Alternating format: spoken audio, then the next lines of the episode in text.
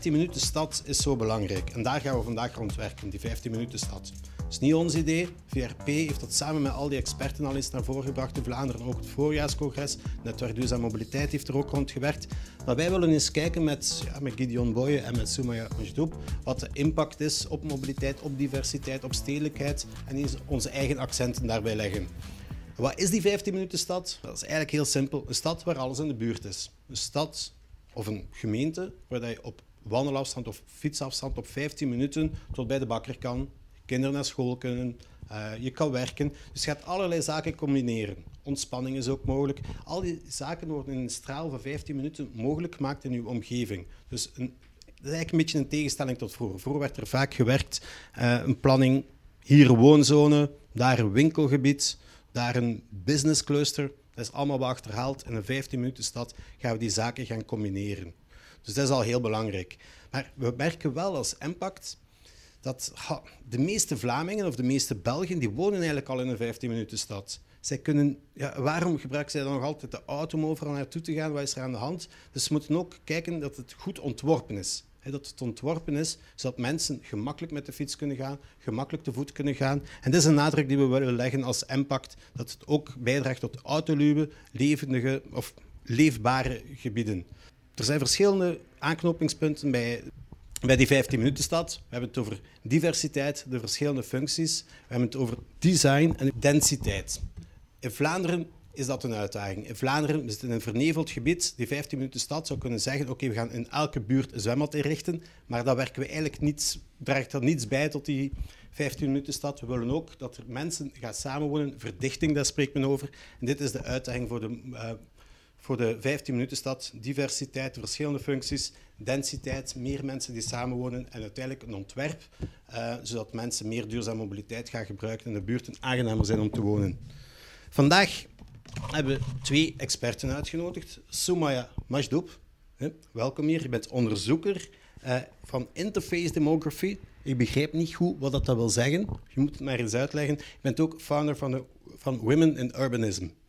Um, Guidon Boye, architect, filosoof en docent aan de Universiteit van Leuven. Uh, ik, ik, vraag me eigenlijk af, de 15 minuten in jullie buurt, wat is jullie leukste plek op 15 minuten van jullie huis? Salvepark. Ja, je had je micro moeten nemen. Dat zou inderdaad wel uh, handig zijn. Mijn, mijn excuses. Um, de, leukste, de leukste plek in mijn buurt is uh, het, het park, het Zo, en waar, waar, welke buurt is dat? Ik woon in La Hulpe. In La Hulpe. Het is net aan de andere kant van de taalgrens, denk ik. Hè? Ja. ja Oké. En dan, Gideon, wat is de leukste plek in jouw buurt? Binnen 15 minuten? Ik woon in Schaarbeek. Uh, in Schaarbeek uh, is voor iedereen het Joosvatpark de leukste plek. Maar mijn leukste plek is de Van Vollenhovenlaan. Dat is een autostraat die dwars door het park liep en die onlangs afgesloten werd dankzij actiegroepen en burgerbewegingen. Hm. Het is een plezier om daarover te wandelen. Ah, super. Ja. Twee keer een park en dan één dat veroverd is, ruimte dat veroverd is. Uh, Sumaya, ik geef het woord aan jou. Wat is jouw mening over die 15 minuten stad? Geef eens ehm, jouw reflectie over.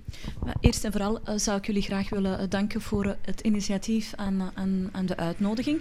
Ik heb um, enkele bedenkingen geformuleerd die um, op het eerste zicht in verschillende richtingen uitgaan, maar ik ga niet echt mijn gal spuien, maar ik ga toch wel uh, een beetje kritisch zijn uh, op, het, uh, op het concept zelf. Um, ik, ik schrijf het niet af. Het is op zich um, goed, um, maar enkele serieuze bedenkingen op het vlak van, van stadsplanning. waarom? Het is eigenlijk een concept dat een bepaalde visie oplegt. in een fase waarbij je eigenlijk input moet hebben van de stadsbewoners waar het hier om draait.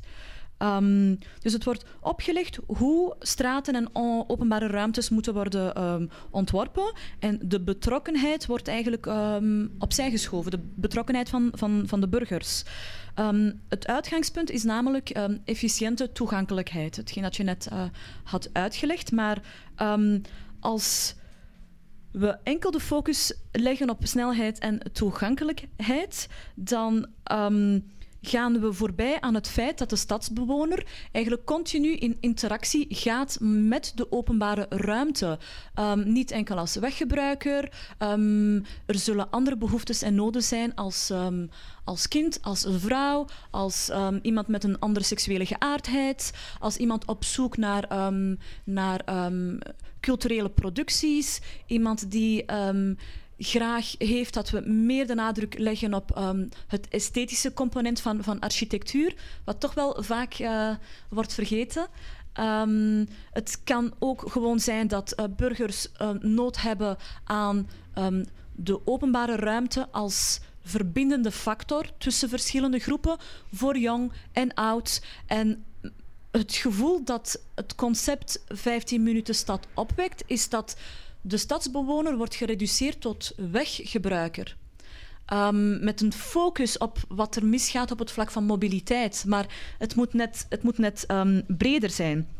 We mogen ook niet vergeten dat um, duurzaamheid een principe is dat, dat, we eigenlijk niet altijd kunnen verenigen met, uh, met die toegankelijkheid die het concept wil opdringen. En ik gebruik uh, zeer bewust het woord opdringen, want het is die um, opdringerigheid dat, het, um, dat de notie typeert. Wij gaan vooringenomen bepalen hoe de stadsbewoner zich zou moeten verplaatsen, alsof de, de, de stadsplanning uit het verleden um, niet gestoeld is op sociaal ongelijkheid. Wat eigenlijk heeft geleid tot de gesegregeerde buurten zoals we die vandaag de, dag kennen. Dus we gaan voorbij aan de geschiedenis van de stad, de geschiedenis van stadsplanning uh, tout court. Moeten we dan het concept afschrijven? Nee, het kind niet met het badwater weggooien, zou ik zeggen. Um, maar eerst en vooral, laat ons um, duidelijk in, in kaart brengen op hyperlokaal niveau. Wat de belangen zijn, wat de noden zijn, wat de wensen zijn, wat de verlangens zijn. Dus op hyperlokaal niveau gaan luisteren. Um, vertrekken van de stad zoals die is en niet zoals we die willen. Want ik heb uh, in veel gesprekken met, um, met fervente voorstanders van um, meer uh, fietsen in de stad um, de neiging uh, te denken dat we allemaal die um, uh, Parisian boulevards voor ogen hebben in onze stad. Um, voor fietsers, maar dat gaat niet. Als we Brussel nemen als voorbeeld, het ziet er nu eenmaal uit zoals het is. Dus op sommige vlakken kan je gewoon een straat niet verbreden om het te laten inpassen of om iedereen daarin te laten, te laten inpassen. Dus vertrekken vanuit uh, wat we hebben. Wat kunnen we beter doen met wat we hebben? En um, dan kan het dan zijn dat we buurten gaan um, identificeren waarbij die 15 minuten haalbaar zijn. Maar andere wijken hebben dan eerder nood aan een, een, een, een, een bredere interpretatie. Laten we zeggen, 25 minuten is haalbaar. Maar dan bijvoorbeeld komende van 50 minuten. Waar leggen we dan de nadruk op? Op het proberen te bereiken van die 15 minuten of het feit dat wij die tijd hebben gehalveerd. Dus de nadruk leggen op de vooruitgang en niet dogmatisch vasthouden aan het concept van, van de 15, uh, 15 minuten stad. Dus willen we op hyperlokaal niveau gaan, uh, gaan werken, moeten we zoveel mogelijk in dialoog gaan treden met, um, met de bewoners, want zonder participatie uiteraard geen, uh, geen vooruitgang richting die notie. Maar ook hier wil ik toch de nadruk leggen op enkele valkuilen. Participatie is niet zaligmakend. Um, een, uh, een, een, een, de uitkomst van een, uh, een, referendum, of het nu op lokaal of nationaal niveau is, uh, de geschiedenis heeft al uitgewezen dat we hier zwaar de mist, mist in kunnen gaan. Um, dus valkuilen van participatieonderzoek heeft uitgewezen dat participatieve stedelijke planning vaak heel outputgericht is. We proberen dan zo, zoveel mogelijk, zo divers mogelijk, mogelijke groepen te benaderen, zonder um, uh, resultaatgericht te denken. Dus hoe gaan we effectief de ideeën van al die verschillende groepen um, gebruiken om de vooropgestelde ideeën aan te passen? Want dat zou dan eigenlijk de bedoeling moeten zijn. Ook um, heeft onderzoek weer al aangetoond dat die, um, dat die uh, uitbreiding, uitbreiding van participatie vooral plaatsvindt bij zij die daar eigenlijk niet echt nood aan hebben. Dus wij benadrukken weer al dan het standpunt van de, de, de, de groepen die al in een bevoorrechte positie zitten. Die vinden het makkelijker om hun, uh, hun uh, wensen kenbaar te maken, om hun stem hoorbaar uh, te maken. En zo ontstaan er dan in alle discussies dominante drukkingsgroepen. En... Misschien zit ik dan vandaag in, uh, in uh, Hal van, van de Leeuw, maar dat is wel iets dat ik ook heb opgemerkt bij zowel de fietsers als de, de, de autolobby. En dan krijg je een cacophonie van, van, van standpunten. Um, die worden dan opgelegd op de groepen die eigenlijk de sociaal zwakkere zijn en die niet noodzakelijk de tools in handen hebben om, om hun mening te formuleren. Um, participatie zou dan eigenlijk gestuurd moeten worden richting, uh, richting inclusie. Niet enkel door te luisteren, maar ook door te mobiliseren. Vaak weet men niet wat nu echt uh, de wens is. Um, dus de ondervertegende groepen of achterbannen um, te mobiliseren door ideeën samen uit te werken. Um, door hen te laten zien hoe je voorstellen kan beargumenteren en zo een, een sterk punt te kunnen maken. Dus begrijpen en erkennen dat stadsplanning niet neutraal is, is belangrijk bij het verder promoten van, uh, van dit concept. Um, waarom hamer ik hierop? Um, corona heeft, um, heeft aangetoond, vooral de opeenvolgende uh, lockdowns en semi-lockdowns, dat de meest kwetsbare stadsbewoners weer al slachtoffers zijn van verschillende ideeën en, en plannen. Eens de eerste lockdown achter de rug was, uh, zagen we een tendens op de vastgoedmarkt van zoveel mogelijk proberen te kopen buiten de steden. Een huis met tuin. Uh, in de periferie van de steden, maar ook richting, richting zee. En dat zijn net de groepen die decennia voordien uh, diezelfde buurten in de stad zijn komen gentrifiëren. En um, sprekende over de vastgoedmarkt, onderzoek aan onze instelling heeft uitgewezen dat um, net na die lockdown Um, 40% van de vastgoedmakelaars had aangegeven, um, of niet, niet expliciet had aangegeven, dat um, de kopende klant met een vreemde achternaam werd gediscrimineerd. Op de huurmarkt werd de discriminatie verdubbeld. Dus er vond een exodus plaats van de begoede stedelijke bewoner en de meest zwakkere zat eigenlijk, uh, trapped zat eigenlijk gevangen. En de discriminatie werd verdubbeld. Um, we moeten dus eigenlijk een systeem proberen uit te dokteren waarbij wij ons eerste vraag gaan stellen voor wie we het allemaal doen. Gaan we eerst de ongelijkheid wegwerken of introduceren we concepten en gaan we ze dan nadien proberen bij te schaven om tegemoet te komen aan die ongelijkheid? Voor wie zijn we zulke concepten aan het ontwerpen? Dat is wat ik vandaag um, wil bijdragen. Ik kijk ook in de richting van uh, het denkbeeldig publiek, uh, want men geeft mij teken dat ik moet, uh, dat ik moet afronden. Het is jammer dat dat moet afgerond worden. Hè? Maar straks kunnen we op verder gaan. Um, en de mensen die aan het volgen zijn, ideeën, reacties, deels al in de chat. Het hoeft niet per se een vraag te zijn, hè, maar reageer gewoon met elkaar. gebruik de chatbox. En luister ondertussen dan ook naar de volgende spreker, uh, Gideon Boye. Heb jij daar een andere visie over, of een gelijkaardige visie? Het zijn nu een aantal minuten voor u. Ja, de 15 minuten stad. Daarover uh, spreken we vandaag.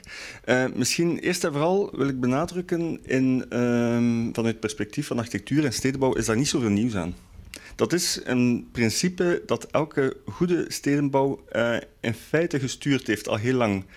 Dat wil niet zeggen dat er iets, niets nieuws is. Mijn punt is, dezelfde kennis die we hebben over wat goede stedenbouw is, gaat op een andere manier functioneren. Die, dat idee van 15 minuten stad verscherpt een aantal focuspunten uh, daarbinnen.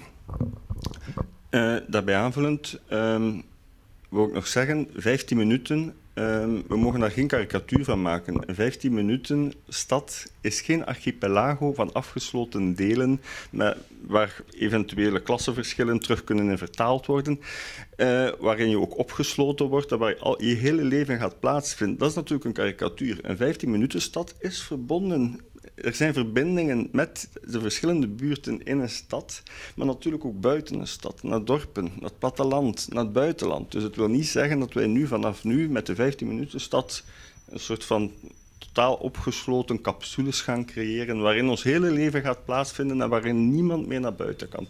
Dat is natuurlijk niet uh, de bedoeling. Dit als algemene inleiding en misschien al direct reagerend op Sumaya opgedrongen. Ik zou zeggen, het wordt opgedrongen als concept, maar eerder van onderop vanuit professionele um, um, bewegingen, vanuit professionele organisaties, door burgerbeweging. 15 minuten stad is een manier om beleid te gaan sturen. Beleid over de stad, beleid over openbare ruimte, beleid voor uh, mobiliteit. Uh, dat, dat vind ik heel belangrijk. Het is opgedrongen, maar van onderop. En natuurlijk kun je dan discussies hebben over door wie gebeurt dat, uh, die drukking. Maar goed, uh, ik denk niet dat een 15 minuten stad uh, opgelegd wordt door een alles overheersende staat als het gaat over de stad en over de ruimte. Um, dat is opnieuw een karikatuur. Nu goed, dat ter inleiding. Ik wou drie stellingen maken uh, over de 15 minuten stad door, en focus leggen op de straat binnen het denken van de 15 minuten stad. Mijn eerste stelling is, de straat is ongedacht. De straat is onzichtbaar in um, in het stedelijk functioneren. Het, het, is een infrastructuur. Het is zo onzichtbaar als de riool. De riool bepaalt, uh, is heel belangrijk. Reguleringsstelsel, elektriciteitsstelsel en dergelijke zijn heel belangrijke infrastructuren van de stad, maar je ziet ze niet. Je gaat ervan uit dat ze werken en dat ze er zijn. De straat werkt op dat niveau.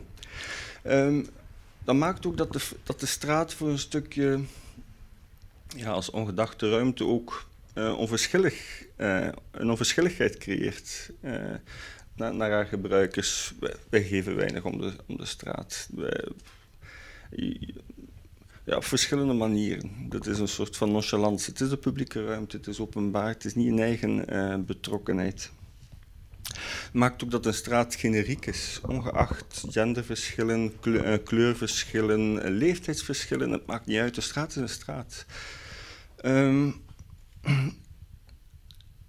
een straat is ook een restzone in de stad.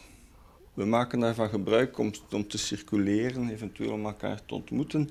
Maar het blijft de restzone. De restzone is op zich niet zo'n probleem. Het is, niet, het is, niet, dat ik een argument wil maken dat die restzones moeten gaan ontworpen worden en bepaald worden. Het probleem is wel als die restzone alleen gedomineerd wordt door één type uh, circulatiemiddel, de auto. En dat is het probleem. Um, dus dat is mijn eerste stelling. De straat is ongedacht, de straat is een infrastructuur. Zo onzichtbaar als onze uh, infrarood televisiebediening. Um, ten tweede, de straat, uh, dat is een tweede stelling, uh, is politiek.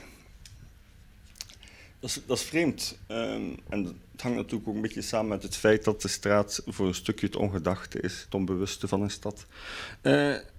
De straat is, het structureert uiteindelijk heel veel zaken van ons leven en van het maatschappelijk functioneren. Dus je kunnen zeggen van de manier waarop we willen samenleven ligt eigenlijk al vast bepaald in een stad. Dus als je daarover wil gaan nadenken, moet je eerst over hoe we als samenleving willen eh, zeg maar, ons, ons samen zijn organiseren, moet je eigenlijk beginnen met de straat. Uh, dat maakt ook dat de straat heel erg gecontesteerd is. Hoe, hoe, belachelijk die straat ook is, hoe, hoe, onverschillig. En dat toonde COVID heel sterk. Um, de straat werd plots een, een, een, centraal element om de hele sanitaire discussie te, um, of de sanitaire discussie, de sanitaire kwestie te, te gaan oplossen. Een van de basispunten was de anderhalve uh, meter samenleving. Iets ongehoord, iets, iets helemaal nieuws, werd plots heel belangrijk. Afstand houden op straat. Het eerste wat je als, stad, als, als stedenbouwer als architect ziet, is van ja, maar de, meeste voetpaden in onze stad zijn niet eens breder dan anderhalve meter. Dus hoe kan je vragen aan de bevolking om anderhalve meter afstand uh, te nemen? Uh, de straat tijdens COVID was ook heel sterk gecontesteerd. Dus het was een politiek instrument, het was ook politiek gecontesteerd. Het was niet zo makkelijk om plots die anderhalve meter eh, te gaan organiseren op de straat. We hebben eindeloze discussies gehad op verschillende, met, op verschillende vlakken van hoe die straat anders zou kunnen georganiseerd worden. Een terrasje bleek iets heel moeilijks. Een inrichting op een voetpad organiseren bleek heel moeilijk. Een parkeerplaats opheffen om een terrasje te organiseren of om een wachtlijn te organiseren, heel moeilijk.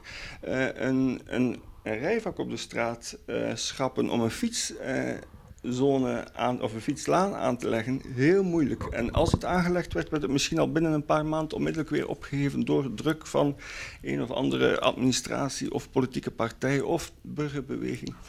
Uh, die strijdt voor het recht op auto's en parkeren enzovoorts. Dus een straat is uiteindelijk heel politiek en uh, gecontesteerd.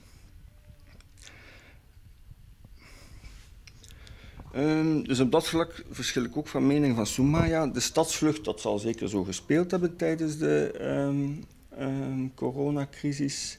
Maar ik denk dat, dat vooral het interessante van de coronacrisis is dat die, die strijd voor de straat, de behoefte aan de straat ook enorm toegenomen is en, en, en verhevigd is. En dan ook dat nogmaals duidelijk werd dat die straat dat je dat niet zomaar in 1, 2, 3 verandert. Ook al is het zo'n heel eenvoudige, bijna banale uh, ruimte. Dus de minste kleine ingrepen werden plots uitvergroot alsof het de hele uh, samenleving in gevaar bracht. Dit brengt me tot de derde stelling. Het recht op de stad uh, begint bij het recht op de straat. Um, als we denken over die straat uh, die we willen uh, en de behoefte aan de straat, die zeker tijdens de coronacrisis versterkt werd. Um, dan wordt er nog steeds te veel gedacht vanuit uh, een gebruik van de straat in termen van circulatie en mobiliteit. Dat zag je ook in de coronacrisis. Het ging over extra fietslanen, extra wandelruimte, misschien een verkeersvrij maken van een straat, maar meestal geargumenteerd vanuit circulatie, vanuit mobiliteit. Uh, mijn punt zou zijn, als we die straat uh, willen gaan anders denken, moet je vertrekken van de het recht op de straat, net zoals je recht op de stad moet hebben. Er moeten natuurlijk alle verschillende bevolkingsgroepen uh, mee, daarin meegenomen worden. En telkens de vraag van hoe kunnen, we, hoe kunnen die mensen, die partijen, die groepen gebruik maken van de stad? Hoe kunnen zij hun recht claimen om die stad te gebruiken? En dan moeten we natuurlijk verschil gaan maken over afstappen van het generieke idee van een stad. Dan moeten we gaan denken over kinderen, over verschillende leeftijden, over ouderen, hoe zij gebruik maken, over vrouwen op straat. Natuurlijk, een heel belangrijk eh, punt. Uh, dus we spreken niet alleen over auto's, fietsen, dat is terug een beetje karikaturaal. We spreken over een enorme diversiteit. Het is belangrijk dus om de straat uh, te diversifiëren en al die rechten daarin te gaan uh, bewaken. Te kijken dat een, een, oudere persoon op een makkelijke manier uh, over straat uh, kan wandelen en liefst ook nog de straat oversteken. Dat is niet evident in Brussel. kinderen, vrouwen, dat heb ik allemaal genoemd. Um, en dan denk ik dus dat in het strijden voor het recht op de stad, vooral die verschillende groepen, de straat uiteindelijk het meest directe uh, instrument is om daar werk van te maken. Je kan grote dromen hebben over steden en over huisvesting en over ja, vandaag in de krant over een nieuwe mobiliteit die ons hier in twee minuten naar de, naar de kust brengt van Brussel. Maar dat zijn allemaal grote visioenen en dat gaat allemaal niet van vandaag op morgen veranderd worden. Een projectontwikkeling op een op een brownfield dat duurt 10, 20 jaar voor zo'n project uh, gestart is. Sociale huisvesting, daar praten we al uh, eeuwen over. Allemaal heel belangrijk. Dat is mijn punt niet. Mijn punt is, de straat is het meest directe, meest toegankelijke, meest makkelijke ook om te organiseren. Dat heeft COVID getoond. Met een paar ad hoc ingrepen kun je hele buurt uh, autoluw maken. Dat, is mijn, dat zijn mijn drie stellingen. Dank u wel. We zien, ik, ik wil eventjes jullie twee verschillende verhalen wat verbinden met elkaar. Um, uit enkele ervaringen. Um, bij ons in Gent hebben we heel veel leefstraten. Hè. Dat is een beetje het recht van de straat die tijdelijk kan gebruikt worden. Hè. In Brussel zien we dat ook met uh, 24 vierkante meter, het initiatief van Kozenwiels van Impact, maar ook met Café Filtré, Filtercafé. Het gebeurt heel wat. Um, maar tegelijkertijd zijn dat de buurten waar dat, je sprak over het gentriferen, gentrificatie. Dus de, hoe meer dynamiek daar gebeurt, hoe meer kans daarop.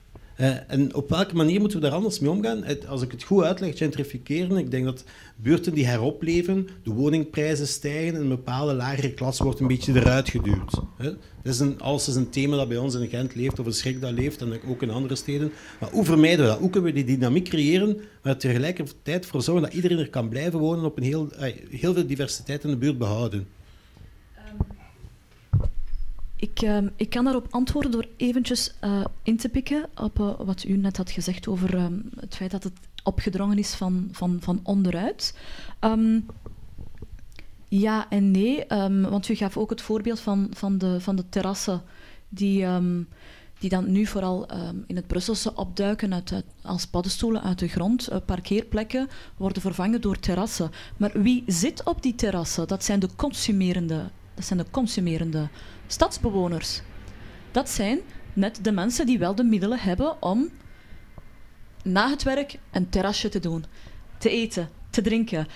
Verhuis dit concept naar pakweg een Molenbeek en um, er is geen terrasje, maar er zitten tien jongeren op een plek dat voordien een parkeerplaats was. Dan spreken we over hangjongeren. En het verschil zit hem in, wat u zegt, van onderuit. En dat is net het punt dat ik probeerde te maken. Het is een bevestiging van het punt dat ik maakte. Van onderuit, maar wie zijn stem, naar wie zijn stem wordt gehoord naar wie zijn stem wordt geluisterd eerder. Um, om dan dat te linken met wat u net uh, zei. Um, de nadruk um, volgens mij moet liggen op eerst en vooral toegang tot huisvesting voor iedereen. En betere kwaliteit van die huisvesting. Als aan die voorwaarden zijn uh, voldaan, dan is er eigenlijk geen sprake meer van een, um, een bewuste gentrifiering. Want dan is er al gelijkheid op het vlak van huisvesting. Eigenlijk is dat een heel belangrijk element in die 15 minuten stad, die diversiteit van woningaanbod. Vaak is de focus op de diversiteit van diensten, of ja, wat je nodig hebt in het leven, maar die, die, dat woningaanbod, dat wordt vaak vergeten dan. Daar moeten we zeker aan toevoegen in onze analyses daarover. Ja, dank u wel. Zijn, ja, je gaf ook nog aan dat je oneens was met haar. Ging het over hetzelfde punt? Of, of vond jij het ook? Of zaten jullie meer op dezelfde lijn? Ja. Ja. ja. ja ik, ik, ik, ik, zag het verschil niet zo groot of dat je, dat je het daarnet aangaf. Wat ik me, wat, af, ja, wat ik me soms afvraag in die 15 minuten stad ik heb een beetje schrik van die 15 minuten. Je hebt het natuurlijk aangegeven in je inleiding, maar ik vind net afstand ook interessant. En langer onderweg zijn ook interessant. En moeten we dan ja, de, de route, de onderweg zijn, ook niet gaan opwaarderen in, in stadsontwikkeling? Uh, ja, maar dat is deel van de 15 minuten stad. Hè. Zoals ik zei, de 15 minuten stad is geen afgesloten uh, eiland. Dus er wordt vaak geargumenteerd tegen de 15 minuten stad dat er nog steeds mensen zijn die werken, met de auto vertrekken naar vaak afgelegen uh, bedrijventerreinen. Maar dat sluit een 15 minuten stad uiteraard niet uit. Het punt is van een 15 minuten stad dat het doorgaand verkeer uit woonbuurten weggetrokken wordt. Dat het veilig oversteken mogelijk wordt, omdat je niet voortdurend elke ochtend tijdens de spits geconfronteerd wordt met, met, met, met verkeer dat er eigenlijk niet in die buurten hoort te zijn. Dus in die zin, de kwestie van gentrificatie vind ik heel belangrijk. Die ligt mij even goed nou aan het hart. Maar dan, ik, zie nog niet zozeer in... Of, ik zie nog niet zozeer dat probleem direct in de 15 minuten stad. Nu goed, laat me van mijn eigen situatie spreken in Schaarbeek. De meeste buurten die ik daar ken, dat zijn 15 minuten stad. Uh, elke buurt heeft supermarkten aan de, aan, aan, de lopende band. Je kan kiezen tussen de meest verschillende merken van supermarkten, nog van verschillende um, culturele uh, identiteiten. Um, er is heel veel voorzien. Dus het belangrijkste bij die 15 minuten stad is dat al die voorzieningen die in een buurt al aanwezig zijn, anders georganiseerd worden door wat mij betreft het belangrijkste, doorgaand verkeer daaruit weg te houden. En, en het mogelijk te maken om, uh, of het denkbaar te maken voor veel mensen om naar de supermarkt te voet te gaan, of op andere manieren, met de fiets, met de bakfiets, uh, met de kar desnoods. Uh, dus de meeste buurten werken al als een 15 minuten stad. Dus ik spreek natuurlijk vanuit de ervaring van Schaarbeek. Ik weet niet, La Hulp of, of een typische Vlaamse een aarschot of een denderleeuw. Hè. Is, het, is het daar niet een grotere uitdaging dan? Um, ja, ik spreek vanuit uh, stedelijke context. Uh, maar om nog af te ronden dat punt. Um, dus het belangrijkste daarin is die identificatie. Dat zal zeker spelen. Moeten we in toog houden. In eerste plaats gaat het om evengoed in buurten van Schaarbeek. Um, Laag Schaarbeek wordt dan vaak daarin ter discussie gesteld om dat veilig te maken. om daar op, een, op de publieke ruimte op een andere manier te gaan gebruiken. Um, is dat enkel een stedelijk concept? Uh, ik denk het niet. Een dorp werkt even goed als een 15 minuten uh, entiteit. Uh, daarin spelen natuurlijk andere vraagstukken dat zal dan minder gaan over doorgaand verkeer uit een dorp weg te halen, maar eerder de dorpskernverdichting zal daar spelen. De vraag ook van wie die dorpskernverdichting zal realiseren. Of vastgoedpartijen die daarop inspringen ook genoeg um, divers uh, woningaanbod creëren. en dan natuurlijk de link, want de twee zijn met elkaar gelinkt. Hè. Je kan niet zomaar zeggen, we spreken over de stad en het platteland als een soort van binair stelsel. Het zijn mensen vanuit het platteland die vaak met de auto door de stad komen en de drukte creëren die voor, een stuk, zeker tijdens de spitsuren in de stad, uh, spelen. Dus de uitdaging is dan op een makkelijke manier mensen vanuit uh, de dorpen of het platteland uh, in, in, steden te krijgen, zonder dat er automatisch naar de auto overgestapt wordt. Nee, niet overstappen, ja, dat is een beetje een foute term in mobiliteitsdiscussie. Um, zonder dat er direct naar die auto gegrepen wordt. Ik begreep eigenlijk niet zo goed waarom dat je zei het hol van de leeuw.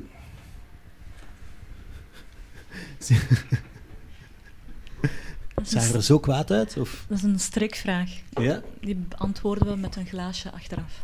Oké, dat is heel goed. Maar mag ik daarop antwoorden? Ja. Ik begrijp het natuurlijk vanuit uh, wat Somaya zei over de, het, het, feit dat bepaalde ideeën vanuit fietsgroepen uh, opgedrongen worden.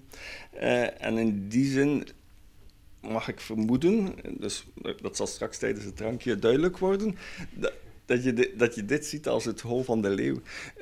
We zitten in de barmacie, ander atelier is hier ook doorgegaan, wat vanuit die bewegingen, uh, zeg maar, en waar ik ook uh, op een bescheiden manier actief binnen ben, wat vanuit die bewegingen, zeg maar, of de 15 minuten stad wordt natuurlijk door die burgerbewegingen die rond het andere atelier zich samen hun krachten samenspannen. Uh, die 15 minuten stad wordt natuurlijk door hen naar voren gedrukt. Die fiets, opnieuw, het zou nogal karikaturaal zijn om dan alleen maar op die fiets te gaan spreken. Terug, ik denk dat je moet zien, net op dezelfde manier als ik die straat zie, als de meest directe manier om bepaalde veranderingen in een stad te gaan zichtbaar maken en denkbaar maken. De fiets speelt daar een rol in. Is de fiets het allerbelangrijkste? Natuurlijk niet. Ik rij even goed met de auto, ik gebruik even goed het openbaar vervoer. Ik, heb er alle, uh, ik ben er gerust op dat veel mensen de auto nodig hebben. Dus uh, ja, die, vooral die karikatuur die gecreëerd wordt van de auto tegen de fiets, ik denk dat dat een, vooral een heel foute discussie is. Een, een discussie die ook um, een heel gevaarlijke discussie, uh, wendingen vaak nemen met doodsbedreigingen allerhande. En uh, laat ons eerlijk zijn, in Brussel is een autostad, uh, is gebaseerd, getekend bijna op de auto. En de kleine aanpassingen die voor de fiets gebeuren, dat zijn minuscule dingen waar je nauwelijks, uh, waar je gewoon aan voorbij rijdt zonder dat je het ziet. dus we mogen dat niet te scherp gaan trekken. Ehm, om daar eventjes op in te spelen, um, vind je niet dat wat bijvoorbeeld Elke van den Brand de afgelopen maanden of anderhalf jaar heeft zitten doen, dat dat toch echt wel een vooruitgang is voor de fietsers? Uiteraard absoluut niet voldoende, maar naar mijn gevoel wel de eerste keer dat dit zo en masse werd gedaan en we zijn bijna in snelheid gepakt geweest door haar, uh, door haar uh, beslissingen. En dat vind ik wel lovenswaardig. Dus we mogen ook wel de best practices uh, benadrukken. Um, wederom, hetgeen dat ik net zei, we vertrekken van een gegeven. Zo ziet de stad eruit. We, met de middelen die we hebben, proberen we um, um, de mobiliteit te sturen naar meer duurzaamheid, minder uh, verkeersslachtoffers, minder tijdverspilling. Um, dus dat zijn allemaal gedeelde, um, gedeelde wensen, daar niet mhm. van. Maar ik vind toch dat we soms te veel en te dogmatisch vasthouden aan, aan bepaalde vormen. Terwijl mobiliteit in de stad kan niet anders dan multimodaal zijn. Het kan gewoon niet anders. Ja. Maar tijdens de COVID-crisis, minister Van den Brand heeft natuurlijk weggemaakt van die 40 kilometer uh, coronafietspaden. Een, een, een, fantastische, wat mij betreft, een fantastische uh, uh, gebaar. Waarom? Het is ook gewoon, toont hoe gemakkelijk het is om zoiets te doen. Wil dat zeggen dat dat het enige is? Natuurlijk niet. Uh, het is heel jammer dat de lokale gemeenten niet op, hetzelfde, op dezelfde manier veilige netwerken gecreëerd hebben. Niet alle straten moeten eigen fietspaden krijgen, maar het zou wel mooi zijn als binnen, stel binnen Brussel, binnen de gemeenten, telkens verschillende veilige netwerken zijn. Uh, maar het is natuurlijk ook jammer dat het dan enkel bij die fiets blijven hangen is. Waarom zijn er geen coronabusbanen uh, uitgeprobeerd, zei Benoît Maurice Meijers. Uh, de MIVB is vragende partij. Uh, het is nooit geprobeerd. waarom zijn de, met de terrasjes, is dat weer enkel zeg maar, in beeld gekomen als het gaat over het innemen van parkeerplaatsen? Terug, dat is het meest evidente. Ik, ik, ben voorstander. Is dat het enige? Tuurlijk niet. Ik kan alleen maar hopen dat parkeerplaatsen op duizend andere manieren uh, ingepalmd worden. We zien het vandaag dat het ingepalmd wordt voor fietsrekjes uh, te plaatsen, dat mensen een bank plaatsen. Dat kwam in het nieuws uh, aan een school, Sint-Lucas, in Schaarbeek, in de Groenstraat. Nu, ik kan ik, kan, ik kan duizend andere manieren bedenken. Uh, ik zie vaak heel veel buurtbewoners voor hun huis zitten uh, in Schaarbeek. Waarom zouden zij niet ietsje meer plaats krijgen, zodat het voetpad ook nog kan gebruikt worden? Ja, maar daar ga ik ook volledig mee, uh, mee akkoord. Het voorbeeld dat ik dan gaf van de terrassen. Dit gaat over de privatisering van de publieke ruimte. Van zodra we dit permanent maken. Um, die parkeerruimtes moeten inderdaad vrijkomen, maar accessibel voor iedereen. En niet enkel voor, voor, voor hij of zij die, die gaat consumeren, waar dan enkel de handelaar um, iets, uh, iets aan heeft. Dus ja. als het niet permanent uh, wordt, dan uh, ben ik voorstander. Maar ik ga liever richting um, wat, wat, u net uh, voorstelde: van ja, laten we gewoon die parkeerplaatsen bezien als een verlengde van een uh, onbestaande voortuin. Dus dat iedereen daar ook gewoon kan zitten. Een bankje plaatsen, enkele bloempotten, um, fietsenstellingen. Um, ik heb gezien wat, hoe heet ze? Xavier Damon probeerde, probeert te doen. Ah, dat is niet, niet echt gelukt, maar er zijn voorbeelden, maar we moeten ons behoeden voor um, het bestendigen van ongelijkheid.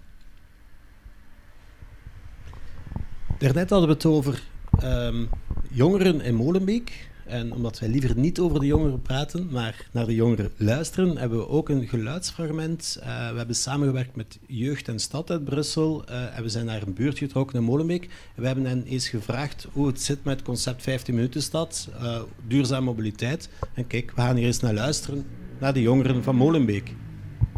Brussel is klein, dus er is sowieso alles naast jou dat je te voet kan doen. Maar dat is gewoon, mensen zijn lui om die zaken te dragen.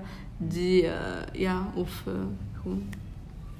Uh, ik denk dat het wel zal lukken, maar, maar als er wel een oplossing zou zijn voor bijvoorbeeld grote families die daar auto's nodig hebben, of mensen die ziek zijn, om zich te verplaatsen, hebben ze ook een auto nodig. Als er een alternatief kan zijn voor die personen, dan kan het wel lukken dat er zo minder auto's zijn in Brussel en meer groen en, en uh, degene die, die wil fietsen, fietst, diegene die wil stappen, gaat stappen. Maar dat, dat er zo ruimte is. Want nu momenteel is het heel druk, uh, veel auto's. Dat is de realiteit. Het ideaalste is dat er geen auto's zijn. Uh, dat, je, dat je je kind buiten kan laten zonder te, na te denken van ah, oh, hier is een auto of zoiets. Uh, allee, dat iedereen zo liever is om te gaan waar hij wilt gaan. Um, maar de realiteit toont iets anders ook. Dat is waar. We en... willen dat allemaal, hè. Ik, ik, ik wil het, maar de realiteit is anders. We zijn al met veel in Brussel. Dat is, uh, voor mij dat zo surpopulation. Er is te veel mensen in Brussel. En er, er komen ook veel mensen om hier te komen werken.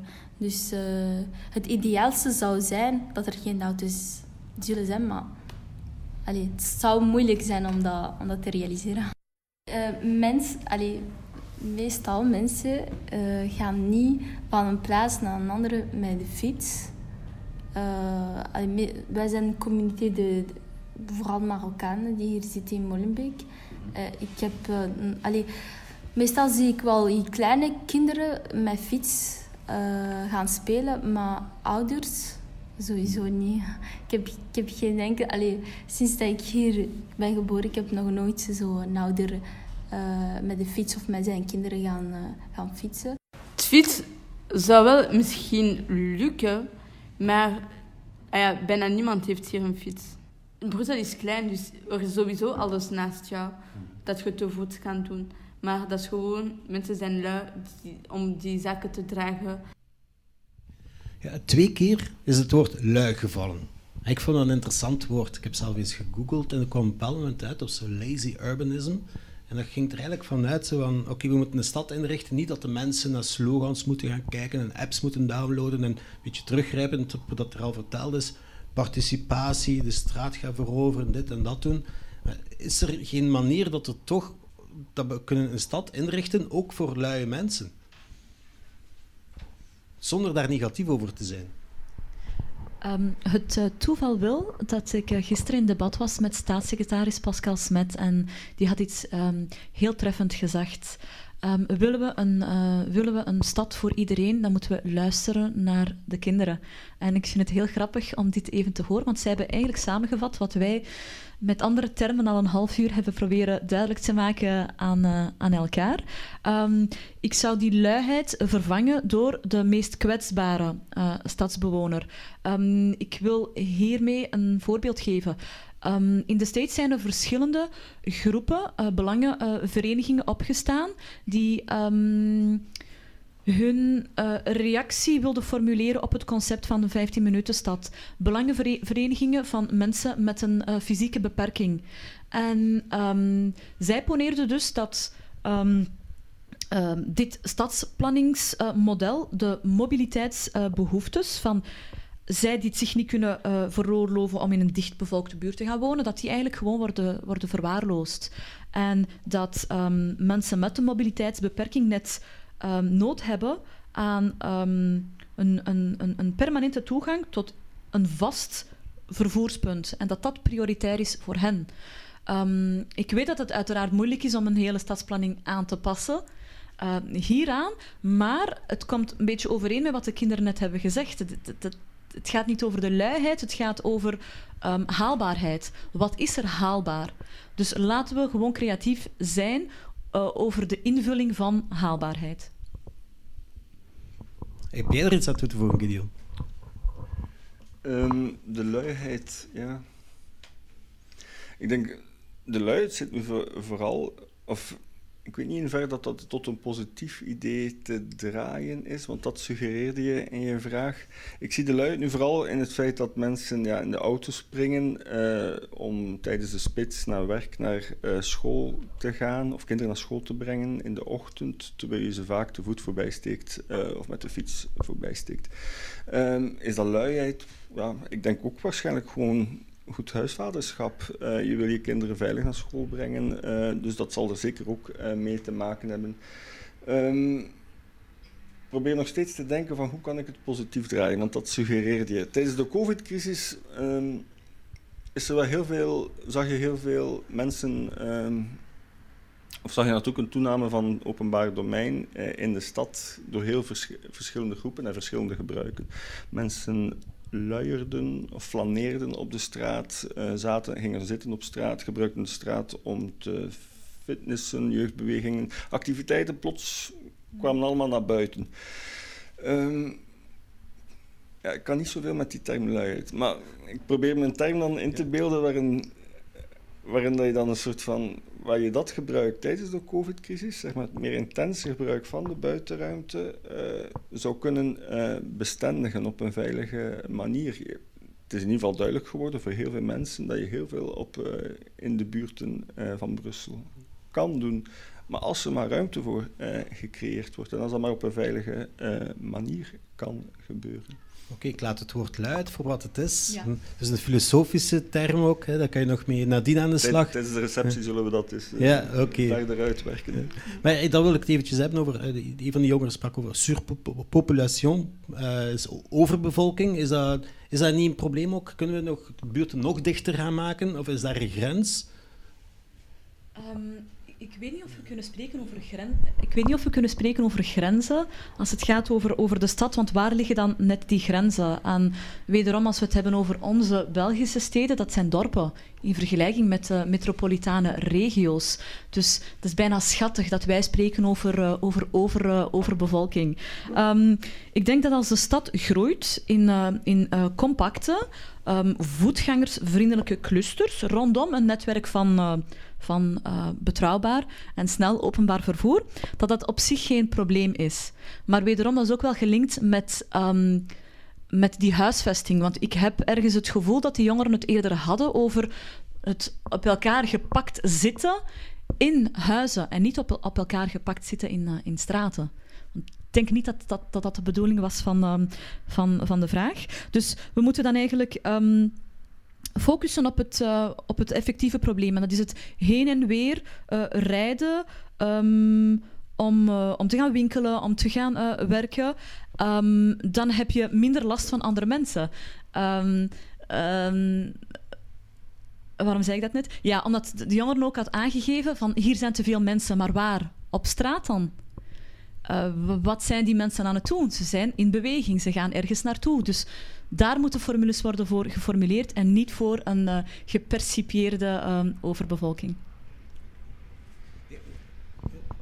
Ja, ik wou zeggen, de overbevolking, eh, zeker in vergelijking met andere metropolitane gebieden, zal het wel meevallen in Brussel. Uh, maar toch denk ik dat het serieus bedoeld is door de jongeren in het clipje. Maar wat is het probleem van Brussel? Je hebt natuurlijk, het zal een perceptie zijn, het zal, het zal een gevoel zijn, maar het punt, als je denkt over de openbare ruimte in Brussel, eh, ja, de meeste openbare ruimte eh, is eh, ingenomen door de auto en mhm. parken zijn er heel weinig. Dus in die discussie van uh, over bevolking in een stad is het een noodzaak uh, om in stad te gaan open ruimtes uh, creëren, de straten vrij te maken, parken, extra parken te creëren, parken ook makkelijk toegankelijk te maken, te verbinden. Zo, um, en dat is dus als we spreken over stadsverdichting, um, denk ik dat, het, dat dat de grootste uitdaging is uh, van een stad. Uh, niet over het aantal mensen, maar het aantal auto's. De ruimte die die auto's innemen. Ja, en de openheid, openheid daarbinnen uh, creëren. Ik vond het ook heel interessant, ik heb er ook over nagedacht. Het is de jongeren een universeel beeld over oké, okay, wat is een droomstad? Hè? Het gaat over ruimte, het gaat over vrijheid, over, over groene parken en zo. Dus daar, daar zitten we met experten en met die jongeren op dezelfde lijn. Uh, maar daarnaast geven ze aan, ja, bij ons in de buurt niemand fietst, uh, er zijn geen alternatieven. Terwijl in Brussel, we bieden hier met Cambio tientallen deelauto's aan. Er zijn deelfietsen overal. En die zijn niet gekend.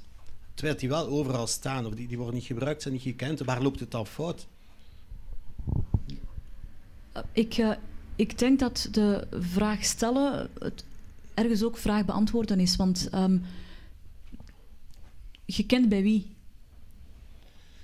Bij die jongeren in de familie, bij die Marokkaanse gemeenschap bijvoorbeeld mm -hmm. in, in Molenbeek. En is dat ooit aan hen gevraagd? Dat is de volgende stap.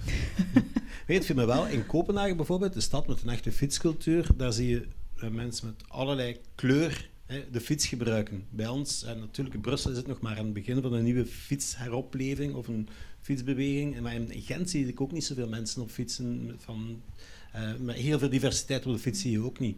Dus, en, maar het gaat niet enkel over het fietsen, maar over gebruik van deelmobiliteit in het algemeen ook. Dus, ja, maar het gebruik van um, fietsen en uh, deelmobiliteit zal zeker minder bekend zijn, misschien bij bepaalde uh, groepen in Brussel. Maar op welke manier wil je het gaan stimuleren? Dus in eerste plaats misschien eens vragen. In tweede plaats ook dat fietsen stimuleren door veilige infrastructuur eh, aan te leggen. De 40 eh, kilometer coronafietspaden was een heel mooi initiatief, maar dat was op gewestelijk niveau. Dus ik heb het al eerder gezegd in het gesprek, waarom is dat nooit op gemeentelijk niveau herhaald? Dus dat je tenminste op, binnen een bepaalde gemeente, de meeste gemeenten in Brussel zijn zeker 15 minuten buurten, eh, denk ik, of schat ik zo'n beetje in. Waarom is het zo onmogelijk om de belangrijkste plaatsen in die gemeenten te voorzien van een veilig fietsnetwerk. Dus niet alle straten, maar dus dat je tenminste van het gemeentehuis naar bepaalde scholen, naar een sportpark, naar een skatepark, dat je, da dat daartussen kan gaan fietsen. Ik denk als dat zou gebeuren, zal je het fietsgebruik enorm zien toenemen. Ook in buurten als Molenbeek en uh, Schaarbeek. In vooral Turkse gemeenschap en uh, Albanese gemeenschap die daar woont. Um, tweede wat ik daarvan wil zeggen, ja, misschien moeten we ook niet alleen focussen op die mobiliteit. Mm -hmm. uh, de voorzieningen. Uh, in, in Schaarbeek is een van de meest bevolkte uh, grote gemeenten van Brussel. 110, 120.000 inwoners, als ik het goed heb. Um, um, het is toch niet normaal dat jongeren, om te ontspannen, buiten Schaarbeek moeten gaan om een skatepark te zoeken in Everen of in stad Brussel. Waarom is dat niet in Schaarbeek ingericht? Of waarom moeten ze naar Gent om te gaan zwemmen? Dat is toch het meest absurde wat ik kan bedenken. Een van de, een van de meest bevolkte steden eh, in Brussel heeft zo weinig voorzieningen eh, voor jongeren. Maar dan spreken we nu alleen nog maar over jongeren, omdat we inhaken op het filmpje. Maar je zou eens moeten misschien ook eens zo'n interviews gaan nemen met mensen van leeftijd, mensen ja, heel veel verschillende groepen eh, in kaart gaan brengen. En dan, dan, ga je zien dat die voorzieningen wel heel beperkt zijn en dat je bijna automatisch in de auto moet springen om naar een uh, zwemdomein buiten uh, Brussel te geraken, in Hofstade of weet ik veel waar. Of in de Blaarmeers in Gent was het gisteren een aantal jongeren. Maar iedereen is welkom bij ons natuurlijk in Gent. Um, maar ja, het zou beter zijn om het overal wel in te richten. Um, zijn er nog zaken bij jullie uh, opgevallen uit het filmpje of heb je nog reactie? Ja, ik zou gewoon nog iets willen toevoegen de, van de voorzieningen. Dat klopt ook, maar om dan de link te leggen met, met die fiets, fietscultuur, om terug even naar fiets te gaan. In Nederland is dat bijvoorbeeld meer ingeburgerd. Maar ik heb wel opgemerkt dat uh, in, uh, in onze grootsteden heel veel initiatieven zijn um, van start gegaan om bijvoorbeeld mama's te leren fietsen. Um, want als je de mama leert um, fietsen, dan gaat ook dat sneller worden overgegeven aan de kinderen. Dus het, het, het uh, proberen te installeren van, van, van een cultuur vergt een inspanning. En ik denk dat, dat op stedelijk niveau we ermee bezig zijn. Maar uh, zoals u net zegt, het, het, het gaat traag, maar, maar gestaag. Dat zijn kwalitatieve keuzes die gemaakt worden. Vandaag wordt de aanleg van een fietspad bepaald op basis van statistieken en, uh, en, en, criteria die ergens bepalen als er een bepaalde um, een volume van auto's door een straat komt, is er eventueel mogelijkheid om een veilig fietspad aan te leggen. Dat is puur kwantitatief, dat is technocratisch. Eh, het heeft geen rekening met de dynamiek in een buurt. Als je uitgaat van een van een meer kwalitatief idee van elke school of de belangrijkste plaatsen in een gemeente moeten bereikbaar zijn met de fiets, dan doet het aantal fietsers er niet toe, de verkeersvolumes doen er niet toe, het doet er zelfs niet toe of dat er veel doorstroming is, dat daar, dat er niet eens hoort te zijn. Het is meer een kwalitatieve keuze die gemaakt wordt van we willen dat de belangrijkste plaatsen, scholen, gemeentehuizen, sportparken met de fiets toegankelijk zijn. Nogmaals, als dat gebeurt, ik, ik schat in, dan zal het gebruik van fiets enorm uh, toenemen, ongeacht kleur, uh, gender en leeftijd. Dus we moeten eigenlijk die 15 minuten stad inrichten. Hey, het is weer karikaturaal, ik weet dat je daar niet van houdt, maar de verschillende aantrekkingspolen of diensten, die moeten dan ook met een soort netwerk, ook een fietsveilig netwerk, fiets- en wandel, aangenaam wandelnetwerk, met elkaar in contact staan. En dan ga je die omslag krijgen. En daarnaast ook die educatie of die activiteiten om mensen te leren, te, met die nieuwe, met fietsen in contact komen en zo, de moeders. Ja, ja dat zou eigenlijk ook op dezelfde manier um, leersessies moeten gaan organiseren om deelmobiliteit uh, gekend te maken bij uh, ruime lagen uh, van de bevolking. Um, en op die manier te tonen dat de auto uiteindelijk ook misschien wel een handigheid is, maar ook niet het ultieme ding in het leven. Want dat is natuurlijk een beetje nu de suggestie die gecreëerd wordt. De auto is het ding waar, waar, waar, zonder je niet kan en die je zeker zo dicht mogelijk bij de voordeur moet geparkeerd zien. Ja. Als impact zijn we helemaal niet tegen auto's natuurlijk. We bieden er meer dan 1500 aan via Cambio. En er zijn al een aantal projecten waar we ook via delende buurten, en ook in Mechelen met een kleurrijke buurt, dat we een soort traject, hoe kan je 30 dagen zonder eigen auto, dus niet zonder auto, maar zonder eigen auto doen. Maar het is allemaal nog in, in het begin. Ook in Gent werkt Autodelen.net samen daar rond. We zitten allemaal bij de opstart daarvan, maar er is natuurlijk nog heel veel ruimte daarvoor. Um, onze collega Jasmin, um, die voorlopig achter de schermen gebleven heeft, heeft heel goed geluisterd en ze gaat een kleine samenvatting geven. Uh, moesten jullie er niet mee akkoord zijn, deel het, roep en tier in de chatbox. Uh, maar kijk, Jasmin mag even op het, naar voren komen om haar samenvatting te geven. Uh, dank u wel alvast uh, om te luisteren en dank u wel voor deze interessante, dit interessant gesprek. Um, wat we vernomen hebben om te starten van uh, Soumaya is dat het 15 minuten concept geen opgelegd concept mag zijn. Dat het nodig is om te werken op de context. De context in Vlaanderen, in Brussel, in België. En het heel belangrijk is uh, om een dialoog aan te gaan en om participatie ook te gebruiken als instrument. Wel met een aantal valkuilen die horen bij de participatie. Het is heel belangrijk om, om te luisteren en om, te, om de meer kwetsbare groepen, de groepen die minder snel geneigd zijn om deel te nemen aan participatie, om samen te gaan mobiliseren, om samen projecten te gaan uitwerken. Um, dus werken van op de context, het in kaart brengen, te starten met de verlangens, met de noden van de mensen die wonen in de buurt. Daarnaast is het ook een model voor vooruitgang. Dus we hebben dat een aantal keer gehoord. We pinnen niet vast op die 15 minuten. We willen wel vooruitgang aanbieden. Um, ook Gideon bracht dat aan bod. 15 minuten, het is geen karikatuur. Het is geen omlijnd concept. Het is zeker ook geen het mogen ook geen eilanden worden. Verbinding is heel belangrijk. Verbinding tussen die 15 minuten, tussen stad en platteland, die staan niet tegenover elkaar.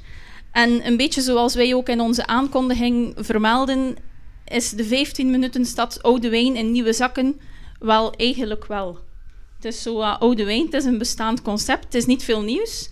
Het is dezelfde kennis, maar wel toegepast op hetgeen we weten vandaag op nieuwe mogelijkheden op uh, de huidige context. Daarnaast brak Gideon ook heel duidelijk een lans voor de straat. De straat waar alles start. De straat uh, als generieke restruimte op dit moment vooral gedomineerd door één voertuig, de auto. En de straat als het meest directe instrument, um, wat ook aangetoond is door de COVID-crisis. Iets wat ook heel duidelijk naar voren kwam, is het vastgoedprobleem, het, het woonprobleem eigenlijk. De, de toegang tot kwalitatieve huisvesting voor iedereen, die is er niet op dit moment. Terwijl het concept van, het, van de 15-minuten-stad wel start bij de plaats waar je woont. Bij het centraliseren van diensten, van voorzieningen rond uw woning. De discriminatie in de vastgoedmarkt is ook aangebracht. Dus dat is zeker iets waar er nog veel werk aan is voor het uh, concept echt toegepast kan zijn in Vlaanderen of, of meer uitgebreid kan worden in Vlaanderen. Um, de 15-minuten-stad gaat ook voor een stuk, als we dan over mobiliteit gaan, rond het doorgaand verkeer wegwerken binnen die zone van de 15-minuten-stad, waardoor er een hoger gevoel van veiligheid of een hogere effectieve veiligheid is binnen de stad. En de mogelijkheden om andere mobiliteit, zachte mobiliteit, fietsen, wandelen, um, veel aangenamer zal zijn en er veel meer mogelijkheid is daartoe. Op dit moment wordt de stad, de ruimte, de openbare ruimte, vooral ingenomen door wagens, door auto's. Die nemen heel veel plaats in. En het is een stuk de vraag om die wagen, die ruimte voor de wagen, um, te, haar, te gaan herinnemen en om extra ruimte te creëren, extra ademruimte te creëren in de stad in plaats van de ruimte voor de wagen. Ook om extra parken te creëren. Um, als we dan over deelmobiliteit en fietsen hebben gesproken, dan ging het ook over het voorzien van extra infrastructuur. Ook om het kwalitatief te gaan aanpakken en niet kwantitatief, de manier waarop het nu gebeurt. En om ook de zwakkere groepen of de groepen die minder snel zelf toegang vinden tot die nieuwe vormen van mobiliteit bij de hand nemen en ook zelf die vraag te gaan stellen en te gaan opleiden, want uh, de mogelijkheid is daar zeker om samen met hen ook deelmobiliteit, nieuwe vormen van mobiliteit, fietsen, zelfstandig fietsen, binnen te brengen in hun leefwereld. Dank u wel. Dank u wel voor die goede samenvatting, Jasmin. Uh, Gideon en Sumaya, normaal gezien zou ik nu willen afronden met een knuffel en drie zoenen om jullie te bedanken, maar het mag nog altijd niet. Daarom hebben we een cadeautje voor jullie. Um, Sumaya, op 14 minuten te voet van jouw woning is er een leuk winkeltje. Kijk, en daar is een bon voor. En ook nog een pakje met een impact biertje, gebrouwen door de brouwerij Brasserie de la Seine, geloof ik, hier op 8 minuten van hier, geloof ik. Kijk, en op 5 minuten met de fiets dan wel, van jou, is er ook een leuke winkel, en je mag daar naartoe gaan voor je cadeau. Bedankt alleszins, bedankt voor jullie bijdrage aan deze eerste Impact-sessie. Dank u wel. Jullie ook bedankt en uh, bedankt voor het creatieve intentie. Zeer, uh, zeer leuk, dankjewel. Je weet nog niet welke winkelen. Ik ga, ik ga direct open doen.